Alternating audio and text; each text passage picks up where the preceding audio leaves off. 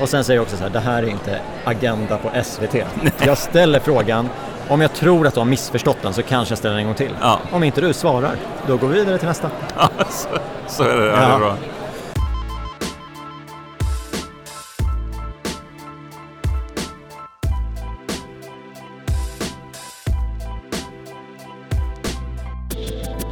Hösten 2023 ser den ekonomiska vardagen i samhällsbyggnadssektorn inte alls ut på samma sätt som den gjorde för två år sedan. Inte klimatvardagen heller för den delen. Nya förutsättningar råder och det finns en förväntan på olika fastighetsbolag att ta på sig ledartröjan för att visa vägen. Byggandet ska hållas igång, trots tuff ekonomi, samtidigt som klimatavtrycket ska vara så lågt som möjligt. Gillar man utmaningar så är det ändå en spännande ekvation att lösa. Min nästa gäst är VD för AMF Fastigheter och i dagens avsnitt får vi höra mer om deras nuläge och planerna framåt. Låt mig presentera Thomas Erseus.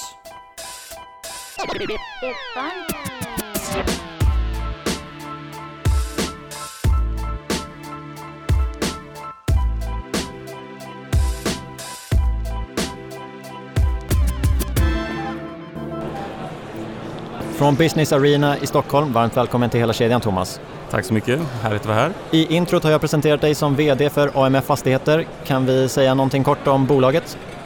Nej, men vi är ju koncentrerade till Stockholm i huvudsak, men också Sundbyberg. Vi har 80 miljarder ungefär i tillgångar fördelat på 35 fastigheter, så det är ganska stora fastigheter. Eh, och vi eh, tror ju att genom att äga stora fastigheter tillsammans i kluster så kan vi också förfoga över platsen och därmed skapa en bättre plats för stockholmarna inte minst då, och de som besöker vår stad. Så att, eh, det är vår strategi kan man säga i kort ord. 80 miljarder och har man läst ekonomitidningar det senaste året så kommer ju belåningsgrad ofta upp. Mm. Hur ligger ni till? Eh, noll procent. Jag är stum. Det är första gången jag hör det. Ja, nej, men vi, vi är ett institutionellt eh, väsen och eh, Eh, i alla fall hittills har det varit så att vi har varit helt obelånade. Nu kommer vi ju i den affären som vi gjorde här i våras att tillsammans med AP7 då äga Urban Escape-kvarteret ha möjlighet att inom ramen för det samarbetet ha en, en viss belåning men det kommer fortfarande om det sker ske på väldigt låga nivåer. Men belåningsgrad och lånevillkor, det, när jag läser i media, det är ju den största huvudverken i fastighetsbranschen just nu och den har inte ni överhuvudtaget. Nej, vi, vi, vi, vi kan ju säga att vi har det i form av följdverkningar. Alltså vi lever ju i samma ekonomiska situation som de som eh, lider av höga räntor. För det bottnar ju i hög inflation som har drivit på kostnader och vi har ju också problem, inte minst bland kanske våra bottenvåningsaktörer, restauranger och handeln som får, får kämpa med eh, besökare som inte har samma köpkraft som tidigare. Så att det är klart att indirekt så påverkar det oss också. Och sen så är våra insatsvaror i form av direkta kostnader fastighetsrelaterade, de stiger också när vi driver projekt och sånt här till exempel. Så att eh, eh, vi har det fast i väs- väsentligt mindre omfattning än de som är belånade. Vi spelar in det här under dag två Mm. och under mina samtal hittills så har jag pratat om eh, segregation, Mm. jag har pratat om offentliga rum, Mm. jag har pratat om vikten om god arkitektur och gemensamt för alla de här är det ju att ja, det är fastighetsägaren som är, om inte största delen så är man en väldigt viktig del i de här tre sakerna. Och sen så är läget som det är nu, du nämnde er ägarbild. Det faller ju på er lite att hålla byggbranschens hjul igång samtidigt som ert klimatavtryck ska vara noll. Mm. Är det rättvist? Nej, men jag, man behöver inte fundera på vad som är rättvist eller inte egentligen utan man får ju försöka agera utifrån den position man har.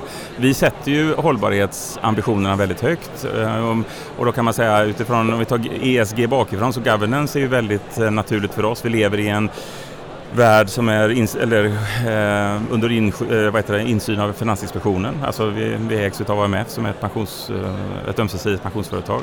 Eh, det gör ju att det är väldigt god ordning på, på saker och ting. Eh, E då i form av eh, hållbarhet eh, klimatmässigt och sådär. Det har vi jobbat väldigt, väldigt länge med och vi har en väldigt tydlig agenda för 2030 att nå Parisavtalets 1,5 grads mål där vi ska ner med 100 procent av våra utsläpp på våra direkta utsläppen. Eh, två tredjedelar ska bort utav våra indirekta så att det kommer naturligtvis påverka det byggda. Den sociala hållbarheten, det gör vi väldigt mycket idag. Ehm, dels för att vi finns där vi finns. Vi finns på väldigt publika platser i Stockholm där det rör sig mycket människor och där det är viktigt med social trygghet, med inkludering, med, med fungerande liksom, plats helt enkelt. Ehm, det kommer vi jobba ännu mer och där kommer liksom de här sociala hållbarhetsfrågorna in och ehm, eh, där har vi ett stort ansvar. Men vi har det också tillsammans med andra fastighetsägare så att vi inte är ensamma. Vi har det tillsammans med, med staden och man kan ju bara ta Brunkebergstorg till, till exempel som inte för så lång tid sedan förknippades med något helt annat än vad det förknippas idag. Idag är det ju liksom en, en prunkande plats med, med väldigt mycket människor som rör sig och eh, vi har hotell, vi har våra restauranger, vi har nya ingångar in i, i uh, Urban Escape-kvarteret och, och, och, gallerian som gör att det, det rör sig människor mycket mer i dygnets alla timmar och det skapar social trygghet på ett väldigt bra sätt. Men delar du den här bilden, för du nämnde ju ja, men tillsammans med andra fastighetsägare, men delar du bilden av att givet er ägarbild att ni förväntas ta täten? Alltså vi har under AMFs resa, eller AMF Fastigheters resa, som egentligen inte är så himla många år, alltså det, du får gå tillbaka bara 12-13 år till att, eh, till att vi blev ett eget bolag egentligen, så har vi ju förflyttat vår position från att kanske vara den här liksom mera traditionella fastighetsägaren, att koncentrera vårt bestånd till platser där vi verkligen kan göra skillnad, att eh, Eh, bli eh, möjliggöraren för olika eh, saker att ske och hända till att nu visa vägen för inte bara oss själva men också för andra. Alltså vi, vi, vi känner nog ett ansvar att vi måste ligga i täten. Det, det räcker inte bara att göra som alla andra utan vi måste våga göra saker annorlunda. Vi har inte kanske samma kortsiktighet i vårt värdeskapande som många börsnoterade bolag har som har banker, belåning, ICR-krav och allt det här på sig. Våra ägare förväntar sig att vi tar ett samhällsansvar och att vi genererar bra avkastning över tid. Om vi kan leda bevis och skapa en trygghet i att det vi gör idag börjar ge fin avkastning om två, tre, fem år eh, så är det gott så. Eh, och det ger oss en möjlighet att, att eh, kanske ta ledartröjan mer än eh, många av våra andra kollegor. Jag har ju varit aktiv i bygg och fastighetsbranschen i 15 år och jag upplever att nu är vi mitt i ett skifte. Klimatomställningen, det, det är en jättegrej och flera bolag vill vara med i den här förändringen. Du har ju lite längre erfarenhet än vad jag har från fastighetsbranschen. Kan du se något liknande skifte som har hänt tidigare?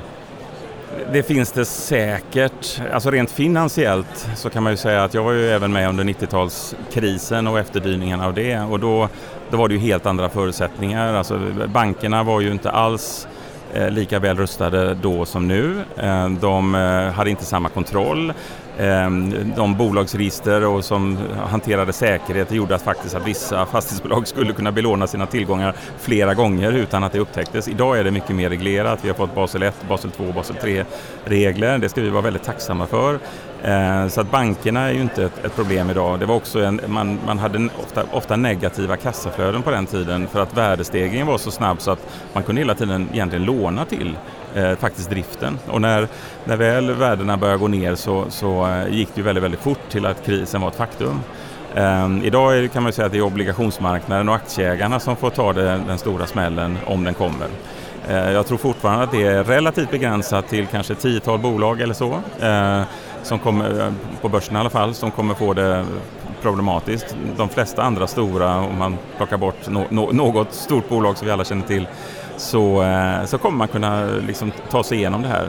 Ehm, så att vi har lärt oss mycket men samtidigt när de här förändringarna kommer så kommer de ofta fortare än vad man är, eh, är beredd. Vi såg ju under finanskrisen 2008-2009, det började egentligen augusti 2007 faktiskt, med att de här credit default swapparna eh, drog iväg augusti 2007. Ehm, men den ränteuppgången som var då, som var väldigt plågsam, den varade ju väldigt kort tid och sen så fick man ju drastiskt sänka räntan vilket gjorde att de som var på väg rakt in i väggen då, eh, de klarade sig undan med blotta förskräckelsen. Nu får vi ju leva med den här uppgången under en längre tid så jag tror att den här omstruktureringen kommer att vara ganska utdragen men å, å andra sidan kanske inte så katastrof katastrofal som den var 20, eh, på 90-talet. Eh, men du har helt rätt i att, att hållbarhetsfrågan är ju på agendan på ett helt annan, på ett annat sätt. Och jag känner att vi fastighetsbolag, vi känner att det är allvar nu. Eh, vi kan inte prata om det, vi måste göra. Men om den här räntenivån ska hålla i sig under längre tid, det var så Mm. jag tolkade ditt svar. Kan det ta kraft från och, och ekonomiska muskler som man annars hade lagt på hållbarhetsarbetet? Jag tror att det finns alltid en risk. Samtidigt så tror jag så att dels så finns det väldigt mycket institutionellt kapital likt vårt eget som, som faktiskt har samma fria kassaflöde i princip nu som vi hade innan ränteuppgången. Eh, så där kan man ju säga att vårt ansvar blir väl att, att använda de pengarna på ett klokt sätt även ur ett hållbarhetsperspektiv och därmed kanske gå före och visa och våga att man kan och sådär. Samtidigt så tror jag faktiskt att om man som ett noterat bolag med en viss belåning och kanske under mer finansiell stress än, än vad vi och andra har det så så är det en överlevnadsfråga. Att om, om du, tidigare har det ju varit premie på hus som har varit miljöcertifierade. Jag tror att i framtiden så är det ingen premie på hus som är miljöcertifierade. Det, det kan vara olika stor rabatt på de husen. Så att ska du bevara dina värden så måste du göra hållbara lösningar. Vi är ju väldigt fokuserade på att köpa hus eh, eller utveckla hus som redan finns. Där vi utgår från den byggda miljön och kanske titta på varje fastighets förutsättningar för att, att göras om på ett hållbart sätt till nya användningsområden istället kanske för att riva och bygga nytt. Det är ju det, alltså, det bästa huset miljömässigt är ju det som aldrig blir byggt. Du nämnde det själv, det mest hållbara huset är det som inte byggs. Mm. Jag kan ju känna nu när jag gått runt på Business Arena i två dagar är att finns ändå en förväntning från byggarna att det är vissa aktörer som ska hålla branschhjulen igång och då är det ju att bygga nytt. Mm. Och ni, ni är ju i blickfånget samtidigt som ni ska minska er klimatpåverkan, helst ha den på noll. Mm. Hur går det ihop? Nej, men jag tror att man får, man får se delmarknad för delmarknad. Det finns ju ett, ett skriande behov, inte minst på bostadssidan. Och det är väl egentligen det stora problemet att det inte byggs nya, några, några nya bostäder. För det, det hindrar ju inte minst Stockholms utveckling att, att eh, det, det blir helt enkelt för dyrt. Och vi får inte den mångfald och bredd på de medborgare som den här staden behöver för att få en, få en, en bra liksom, ja, social kultur egentligen. Eh, så det skulle behöva byggas mer eh, och det finns ju sätt att bygga idag både ekonomiskt och, och, och mer hållbart än tidigare. Det finns ju allt ifrån det som sker inom stål med, med nya stållösningar som är koldioxidfria. Det finns ju betong som man diskuterar om man kan göra dem eh, eller koldioxidfri betong. Det finns plattor för vissa typer av hus som är gjorda av återvunnet glas och sådär. Så att det är klart att om man inte bygger för stort, inte för komplicerat så finns det flera olika tekniker idag. Men jag tror att på kontorssidan så är det väl ändå så att de allra, allra flesta hus är byggda. Vi kommer att fortsätta att bygga, men i inte alls i stor utsträckning. Men däremot så måste vi liksom ställa om de hus som redan finns på ett så bra sätt som möjligt. Och då som jag sa tidigare, ta utgångspunkt i husets förutsättningar. Vad kan vi göra med det här huset? Eh, och det kan ju också innebära att till exempel ur ett detaljplaneperspektiv att man behöver kunna ha fler bokstäver i detaljplanen som talar om vad det här huset kan användas till. Så att man inte måste på grund av detaljplanen riva och bygga nytt för att få det huset som, som eh, bokstaven i detaljplanen liksom säger att det ska vara. Ehm, vi har ett stort projekt själva, vi äger nio fastigheter ute i Marievik. En av fastigheterna det är en tom tomt så där kan det då komma att bli ett nytt hus så småningom.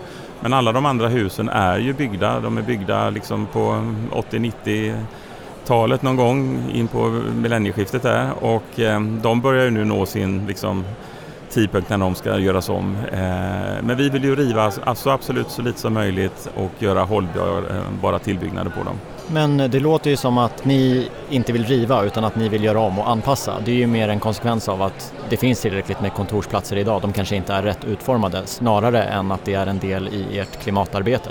Nej, men jag tror att det, det, det, det är både och. Eh, jag menar, om, om du har ett hus idag som, som eh, fungerar som kontor eh, och du river det och bygger ett nytt och då, då har du inte tillskapat jättemycket mer yta. Det är klart du kan ha fått bättre takvåningar, du kan få mer flexibilitet, du kan få fler eh, våningar som gör att du får in fler personer på, på samma footprint på marken så att säga. Så att det, det finns tillfällen naturligtvis. Men jag tror att utgångspunkten måste ändå vara att de kontorer vi bygger idag måste kunna samnyttjas mycket mer, eh, bli mer flexibla. Vi måste kunna kanske skapa lite olika typer av av kontorsmiljöer om man befinner sig inne i centrala stan eller om man befinner sig i arenastaden eller i stadens utkant eller sånt där. De fyller lite olika syften.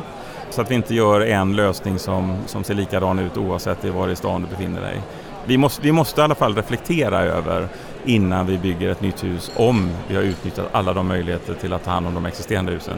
Om de är tagna, de möjligheterna. Men hur gick de tankarna då, Marievik? Det, jag har varit inne på hemsidan, det ska bli mm. jättespännande att följa ja. den utvecklingen. Men vad har varit ledorden i, den besluts, i det beslutsfattandet? Nej, men dels bottnar det i att det, det, är en plats i Stockholm och frågar man stockholmarna så är det faktiskt den plats som är, det finns minst kännedom om. Eh, den ligger egentligen väldigt, väldigt centralt. Det tar tio minuter med tunnelbana ut till Liljeholmen från, från centrala delarna. Den ligger vid, vid vattnet ut mot Årstaviken och, och i ett väldigt, väldigt fint läge.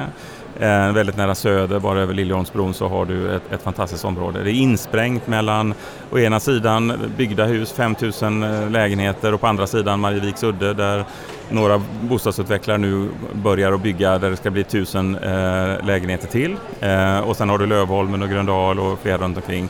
Inom 7-8 minuters gång, eh, så har du, eller gångtid så har du kanske 40-50 000 människor som bor. Det är ju som en, en medelsvensk eh, stad. I detta så finns eh, våra kontorsfastigheter med 1,8 kilometer gatuplan eh, som, där vi har fler lastkajer idag än vi har, vad vi har restauranger. Eh, det är på bilens villkor. När det där byggdes så var det stora säljargumentet för Marievik att här får du parkering med din bil. Hit kan du pendla med bil. Eh, framtidens Marievik ska ju vara på människans villkor där, där hälsa, cirkularitet, ehm, eh, natur, närheten till, till, till, rekreationsområden och sånt där ska finnas. Vi håller just nu på att bygga om kajen. Eh, vi kommer få flera eh, bassänger utanför där som man ska kunna bada och förhoppningsvis då kunna bada året runt. Kanske en bastu och, och lite sådär. För att synliggöra för de som finns där idag att vi har väldigt höga ambitioner på det här området. Vi kommer jobba bort Eh, våra eh, trottoarer och, och lastkajer för att, att få in gångtrafiken, få bort bilarna från gatorna och öppna upp med med kvaliteter som kan serva kontorshyresgästerna på dagarna kanske i huvudsak men, men serva de boende i närområdet på kvällarna. Vi har väldigt höga klimatambitioner. Om vi, om vi klarar av netto noll så vore det fantastiskt.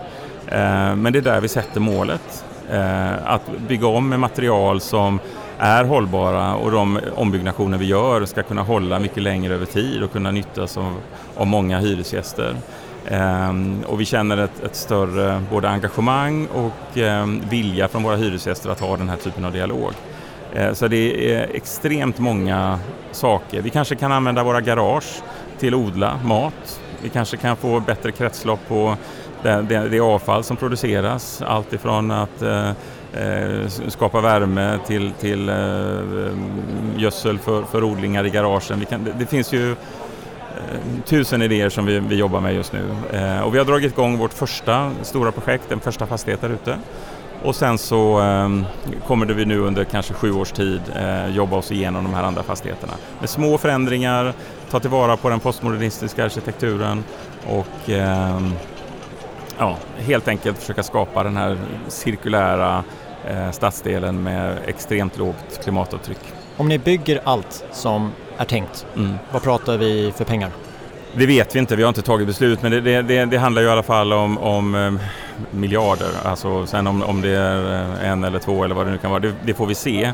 Det beror ju också på, vi kommer, det finns ju inget självändamål att det ska vara mycket utan eh, vi är väldigt rädda om pensionärernas pengar men om vi kan skapa yttersta avkastning, för det är det vi, vi finns. Vi har fyra miljoner pensionssparare som långsiktigt får sin pension, bland, bland annat från våra tillgångar.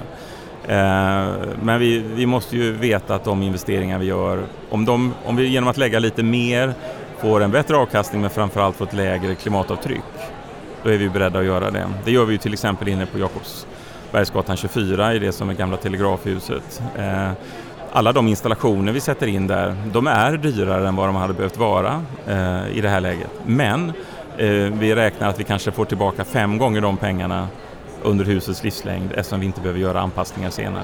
Men om vi tar Jakobsbergsgatan, ja. för där säger du att det är en högre peng för mm. de där installationerna. Ja. Hur mycket högre i procent? För det är intressant att veta hur man kan motivera det. Ni får tillbaka pengarna gånger fem, mm. men hur mycket större är den investeringen idag då?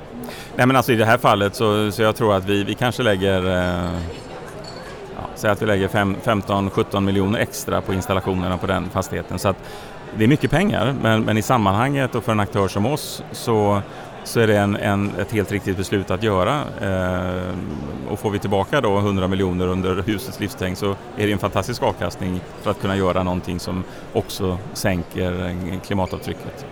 Eh, så att de här åtgärderna behöver ju inte alltid vara dyrare. Att bara det som, som vi gör där, att vi, vi räknar och vi räknar och vi räknar på vartenda litet materialval, på varenda liten konstruktionsdetalj som vi gör, gör ju att vi hela tiden prövar hållbarhetsfrågan mot investering, funktion och attraktivitet.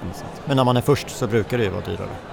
Eh, brukar man inte säga så? Att den som tar täten, då är det lite dyrare. Sen ju fler som börjar arbeta på det här sättet, då Jo, så kan det vara, men det, det, vi, vi, hoppas kanske också och tror att vi kan eh, genom att göra de här investeringarna också få till oss de hyresgäster som både sätter Stockholm på kartan men också naturligtvis våra kluster, våra miljöer på kartan som stället att vara på. Det, ju, det, det handlar ju om, om attraktionskraft eh, eh, ytterst, att få en hyresgäst som är rätt kan dra en annan hyresgäst och så vidare. Så att, eh, en del kan tycka att det är cyniskt men det, men det är ju så det är så klokt företagande fungerar, att vi försöker skapa förutsättningar för lönsamhet, men vi vill skapa de förutsättningarna på ett hållbart sätt.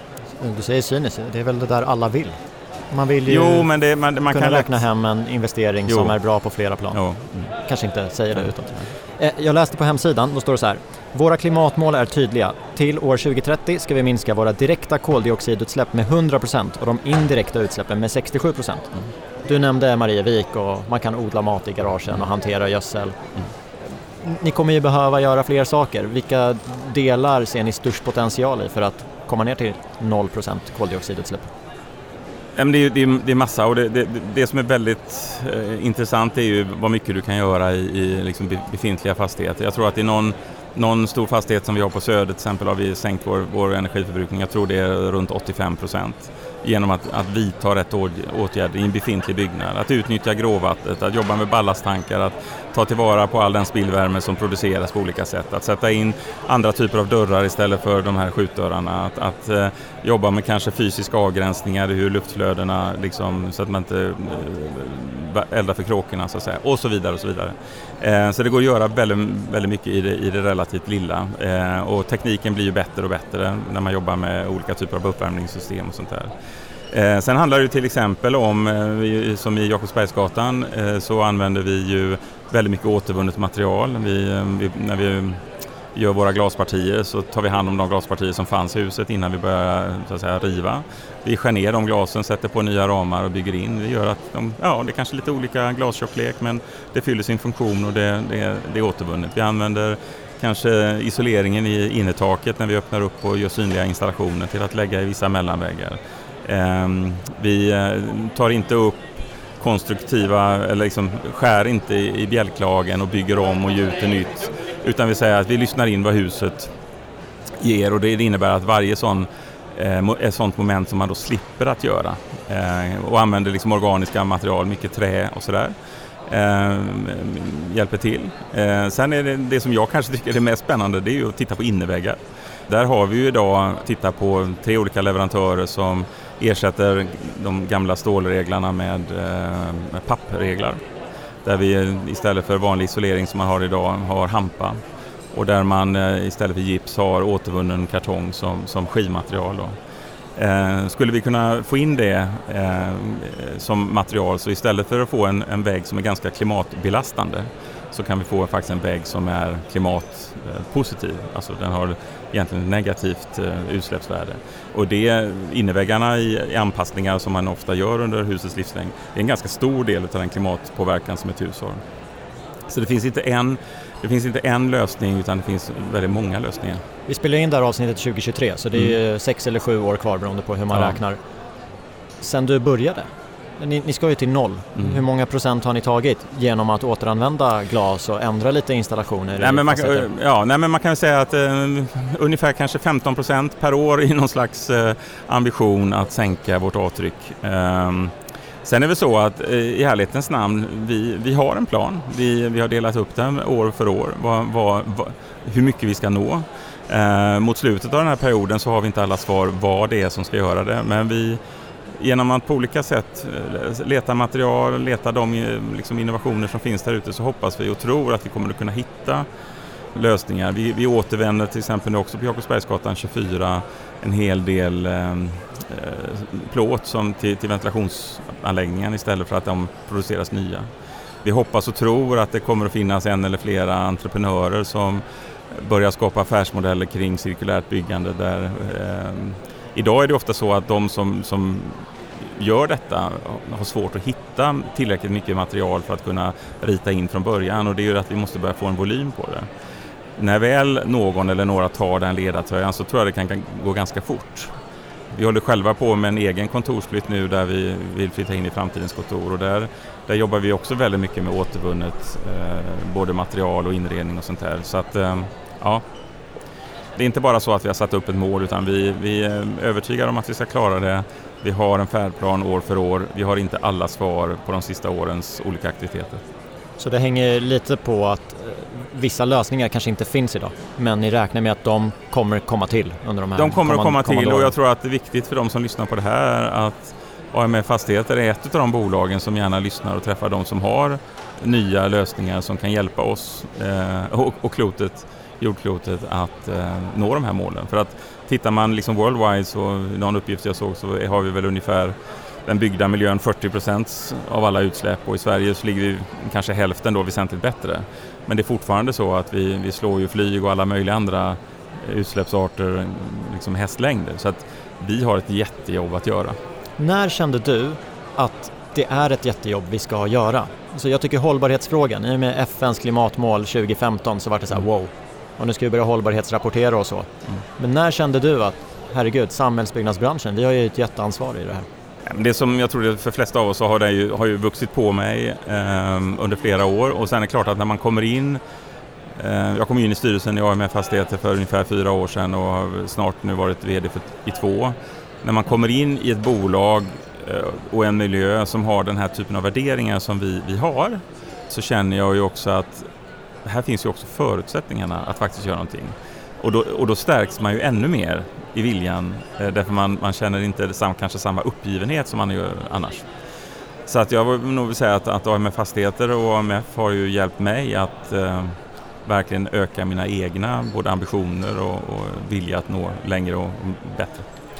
När man pratar fastigheter och fastighetsägare så är det ju många som begränsar det till själva huset. Mm. Du och jag, vi har ju försnackat inför den här träffen och då pratade vi nästan mer om miljön utanför mm. och hur viktig den är i och med att ni äger de fastigheter ni äger mitt inne i stan på i vissa av dem så har ni en otrolig påverkansmöjlighet. Hur jobbar ni med offentliga ytor utanför fastigheterna hur mycket, och hur mycket kan ni göra själva? Nej, men det här är ju det är, det är en jättebra fråga och, och, vi skulle nog vilja kunna göra mer. Ehm, alltså, det är ju så att har du båda husen på, på, på varsin sida av en gata så är det klart att bara genom att knyta ihop husen med olika typer av, av, fysiska saker, det kan vara vimplar eller vad som helst, så skapar det en känsla av att någonting hänger ihop. Eh, och när någonting hänger ihop så, så ökar det liksom den mänskliga viljan och öppenheten för att röra sig mellan fastigheterna.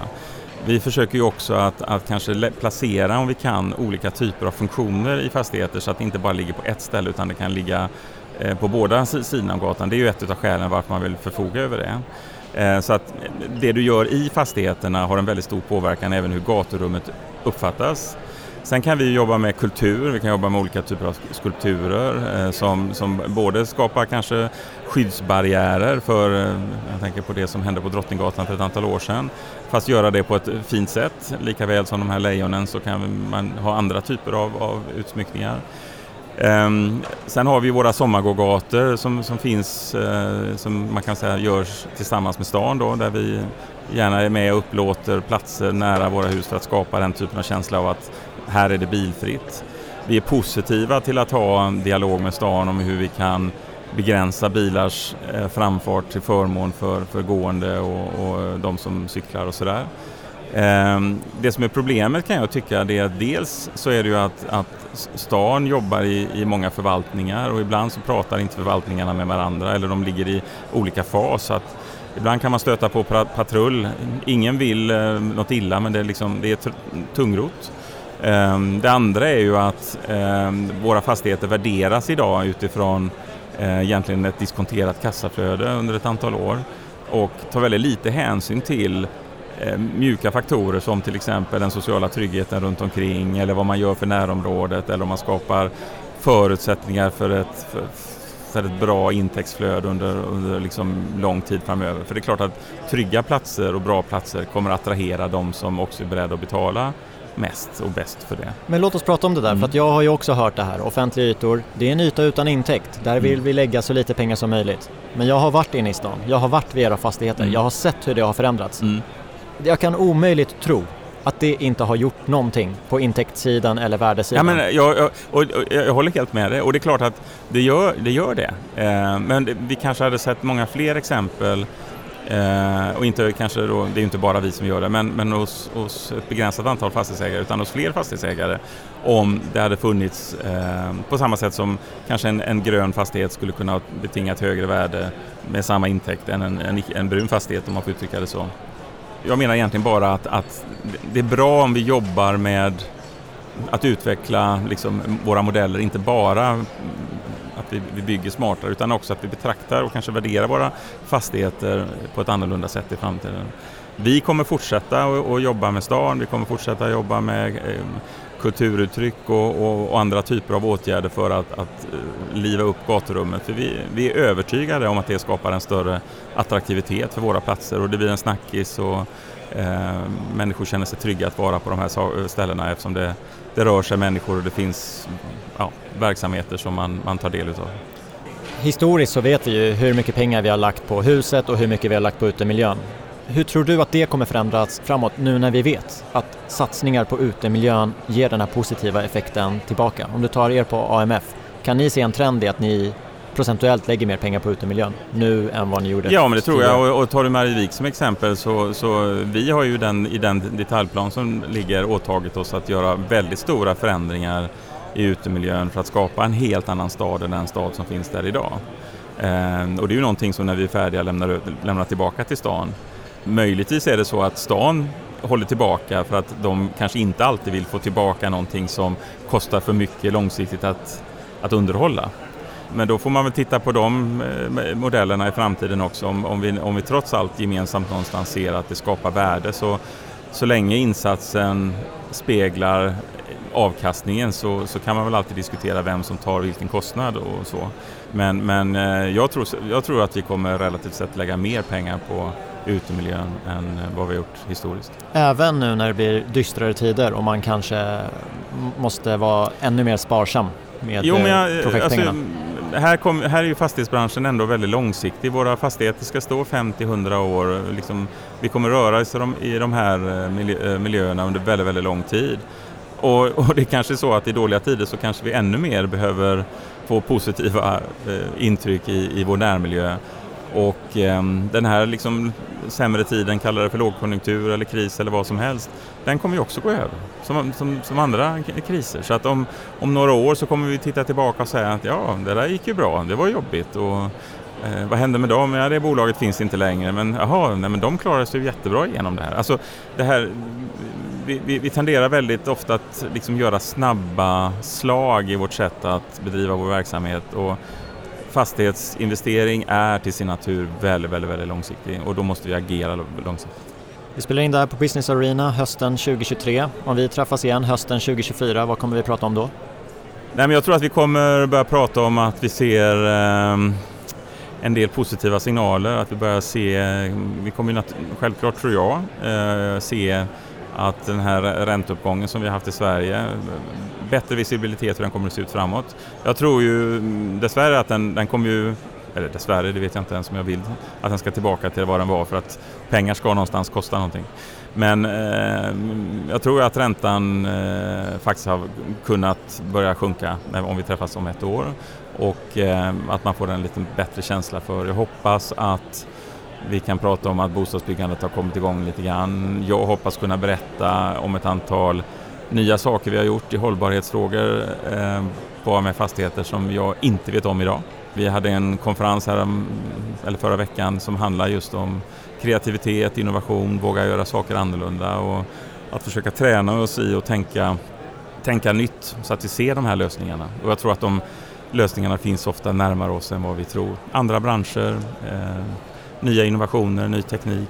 Möjligheterna är väsentligt fler än, än eh, riskerna. Jag ser fram emot att träffa dig eh, om ett år. Tack för att du gästade hela kedjan idag. Tack, jag kommer gärna tillbaka.